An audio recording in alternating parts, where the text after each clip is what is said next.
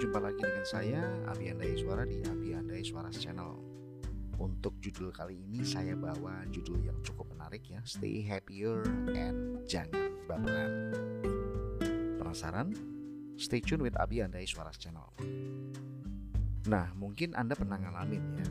Rasanya capek sih kalau Anda sudah berupaya berencana untuk menelurkan, menyampaikan, bahkan menjalankan ide-ide baru tapi akhirnya tetap aja ada yang berusaha nubruk sambil bilang kayaknya ide itu nggak bisa atau nggak mungkin jalan deh. Idenya kurang pas. Pasti nggak akan berhasil atau ada saja upaya-upaya lain yang sifatnya sekali lagi nabrak atau nubruk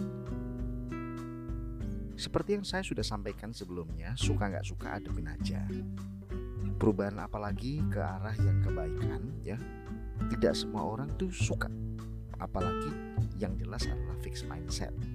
Ini hanya masalah gaya atau pola berpikir semata kok. Bukan karena seseorang membenci Anda, tidak suka pada Anda, atau sejenisnya. Jadi saya harap Anda tidak berperan dan kebawa-bawa dan mempengaruhi kondisi mental Anda. Jadi stay good and stay creative. Perbedaan itu biasa. Jadi ambil sikap paling bijak.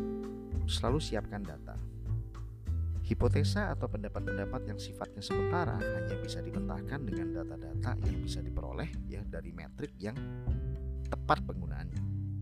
Ya pinter-pinternya kita dalam ngakalin ya dalam menggunakan metrik yang diambil dari data-data yang ada di lapangan lalu kita kumpulkan dan kita kelola, kita gubah supaya tujuannya nanti bisa dijadikan sebuah pengukuran. Karena hal-hal yang paling baik, hal-hal yang paling bagus digunakan untuk melawan orang-orang yang sifatnya fixed mindset ini adalah ketika kita menggunakan data. Dan hal ini sebenarnya akan menjadikan Anda justru jadi lebih jago loh dalam menyiapkan jawaban-jawaban atas setiap alasan yang sifatnya cuma ngeles saja. Karena ada data, ya nggak ada lawan. Jadi saya berharap agar anda yang sudah terlanjur kreatif untuk tetap bisa kreatif, yang sudah terlanjur baik untuk tetap bisa baik, dan tetap menjadi diri Anda, tidak berubah menjadi orang yang tiba-tiba berhenti, tiba-tiba stay uncreative, ya, stop being produktif cuma karena ditubruk atau ditabrak di sana sini oleh mereka-mereka yang fixed mindset. Tetap harus growth mindset karena Anda harus menjadikan mereka sebagai lawan yang harus dihadapi dengan data-data ya. Lawan yang harus dihadapi dengan jawaban-jawaban yang sifatnya intelek dan Anda punya buktinya supaya Anda bisa terhindar dari sikap-sikap yang selalu menutup diri untuk bisa berkembang atau yang mengharapkan mereka untuk melakukan effort-effort dalam hal terkait dengan perubahan. Karena biasanya orang-orang yang sudah terlanjur fix mindset itu biasanya mereka nyaman dengan kondisi yang sudah ada. Dan kondisi nyaman itu tiba-tiba terganggu oleh ide-ide Anda yang yang segar, yang unik, yang baru, yang kreatif, yang tiba-tiba mengusik ketenangan mereka dan mengharuskan mereka untuk melakukan hal-hal yang sebenarnya mereka nggak sukai atau sebenarnya yang membuat mereka jadi merasa terganggu kenyamanannya. Jadi itulah fixed mindset dan Bukan berarti Anda harus mengikuti cara mereka karena tujuannya adalah Anda melakukan perubahan ini untuk kebaikan kok, untuk perbaikan.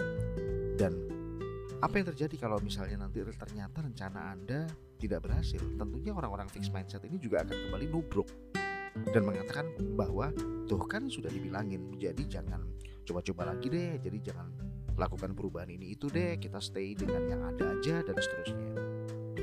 Karena yang bisa Anda lakukan adalah kembali lagi mengambil data yang ada di lapangan lalu menjadikannya sebuah analisa ya, eh, sebuah evaluasi dan analisa yang bisa menjadikan Anda untuk bisa menemukan formulasi solutif ya.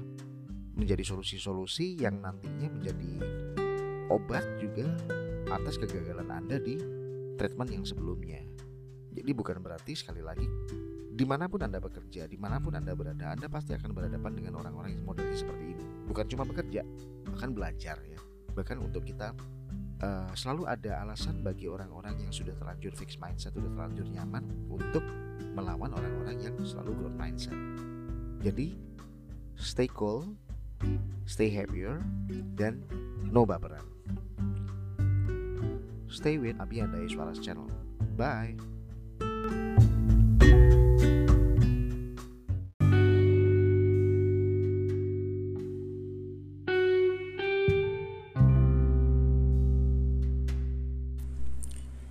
Jumpa lagi dengan saya Abi Andaya Suara di Abi Andaya Suara Podcast. Untuk episode kali ini saya akan menyampaikan episode tentang renungan dan saya akan menyampaikan mengenai gratis versus mahal. Gratis versus mahal adalah dua kata yang sangat berlawanan dan tegas. Masing-masing memiliki nilai tersendiri dan bisa menjadi pengunggah dan juga pendorong yang besar. Lalu apa yang Anda pikirkan pada saat Anda mendengar kata gratis? Apakah pikiran Anda kemudian terfokuskan pada benda-benda yang Anda inginkan? Lalu bagaimana ketika Anda mendengarkan kata mahal? Apakah perasaan Anda lalu sempat bergejolak? Apalagi jika itu berhubungan dengan sesuatu yang Anda inginkan. Hanya saja harganya di atas harapan Anda. Coba perhatikan 8 kondisi berikut. Beli satu buku, dapat gratis satu ballpoint cantik. Ambil dua produk kami, dapatkan satu buah CD seharga 250 ribu. Jual produk dan program kami ke 10 orang, Anda dapatkan satu program liburan dua hari ke Bali. Pembagian sembako gratis, hanya perlu tiket senilai 10 ribu rupiah saja untuk mendaftar. Tabung di bank kami, Anda dapat poin berhadiah mobil gratis. Investasi di perusahaan kami, Anda dapatkan saham gratis. Pakai provider kami, cukup isi 5000 perak saja, dapatkan SMS dan telepon gratis. Beli motor di dealer bla bla, Anda dapatkan gratis TV dan helmet. Anda pasti pernah melihat atau bahkan tergabung dalam salah satu kondisi tersebut kan? Dan saya sendiri sering kali bertemu dengan kondisi yang demikian. Bahkan sempat berbincang dengan beberapa orang sales eksekutif dari beberapa mall terdekat. Cara mereka ada-ada aja dalam menawarkan produk. Mulai dari penggunaan jargon sebagai target anchoring hingga follow up pada sisi service after sales atau pelayanan purna jual. Dari internet sendiri pun saya menghadapi hal yang sama Berkali-kali saya ditawarkan pelayanan pembuatan blog, pembuatan website, banner, pemasangan iklan, pay per click premium, dan lain sebagainya yang ujung-ujungnya sebenarnya tetap aja bayar. Tapi perhatikan baik-baik. Apakah ada yang benar-benar gratis? Jawabannya ya tetap saja akan ada usaha dan upaya tersendiri untuk mendapatkan yang gratis tadi kan sebagai bonusnya. Perhatikan hal-hal yang hampir gratis berikut ini sebagai perbandingan. Pembagian sembako gratis.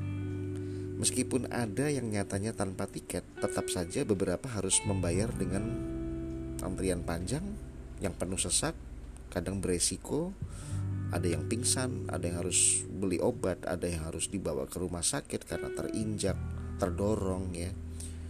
Dan artinya Anda juga harus tetap membayar untuk pengobatan tersebut, untuk luka tersebut. Lalu coba perhatikan beberapa pepatah atau jargon atau peribahasa berikut. Yang pertama adalah ada uang, ada barang.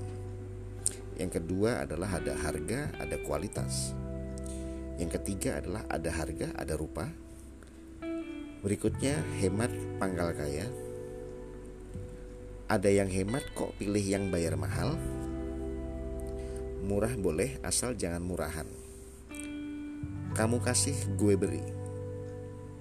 Orang-orang kaya bermental kaya, orang-orang miskin bermental miskin dan masih banyak lagi. Pada intinya, untuk mendapatkan yang gratis sekalipun, kita pada akhirnya tetap harus membayar.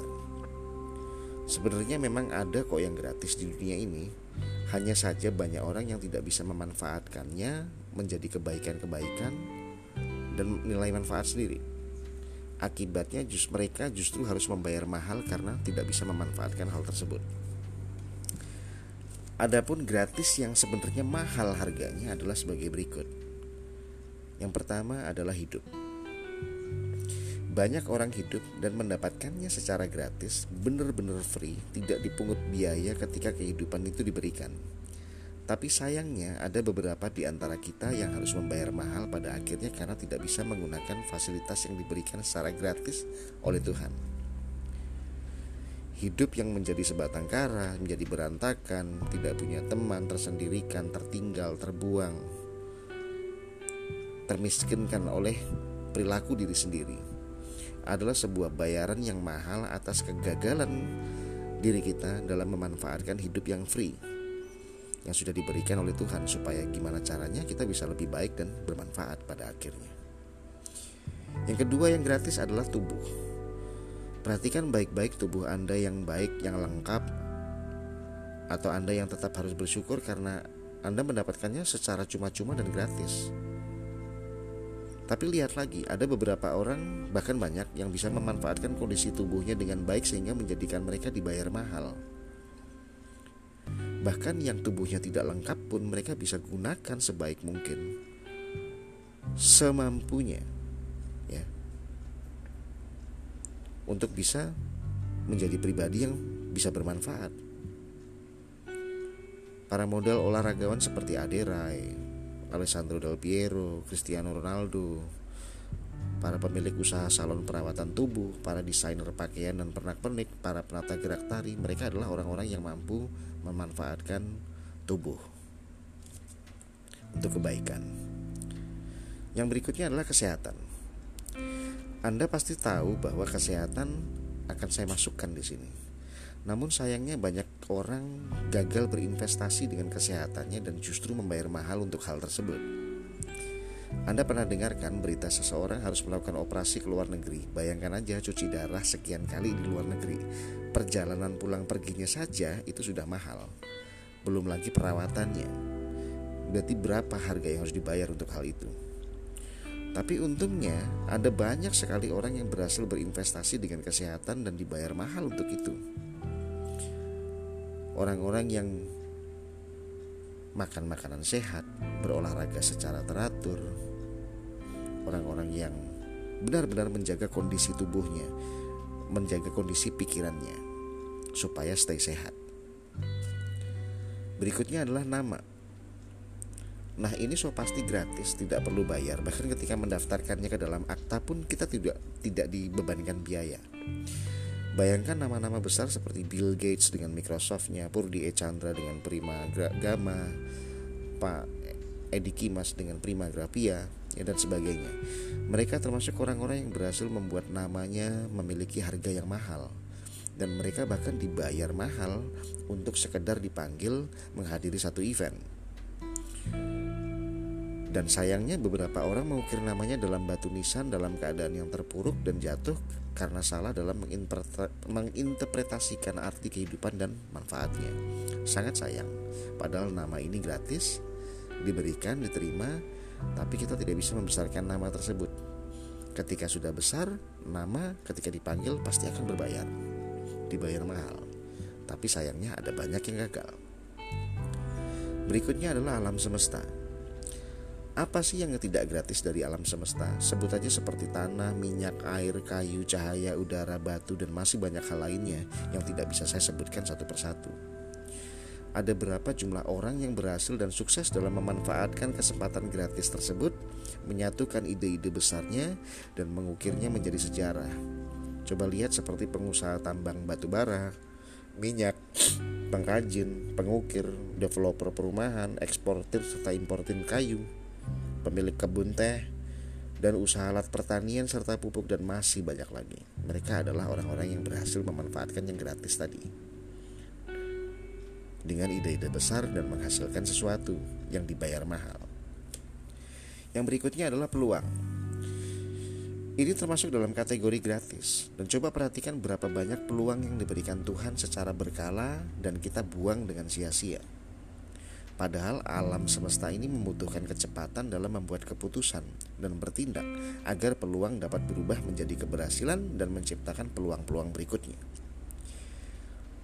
Dan banyak kok yang berhasil memanfaatkan peluang-peluang tersebut seperti Menteri Susi Pujiastuti, Mario Teguh, mantan presiden kita seperti uh, Bapak Soeharto, IR Soekarno dan kawan-kawan pejuang lainnya yang begitu melihat peluang akhirnya justru bisa menjadikan bangsa ini bisa merdeka. Karena selalu ada kesempatan, selalu ada peluang. Beberapa di antaranya melihat peluang berupa yang semula berupa hobi, kesenangan sampai akhirnya hobi bisa menjadikan sesuatu yang menjadikan dia besar dan berhasil. Seperti pemilik tanaman-tanaman hias, ya, pemilik perikanan, ya, perkebunan yang semula dari hobi bisa jadi sesuatu yang dibayar mahal. Berikutnya adalah belajar. Coba lihat banyak sekali cara untuk gratis dalam belajar dan belajar yang gratis itu sering kali diperoleh namun sangat kurang disadari.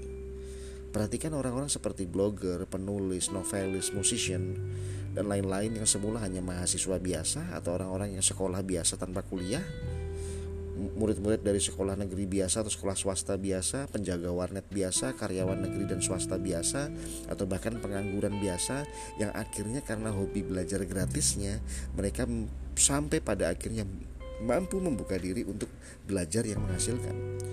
Bahkan mereka tahu bahwa belajar itu tidak pernah merugikan karena akan selalu bermanfaat.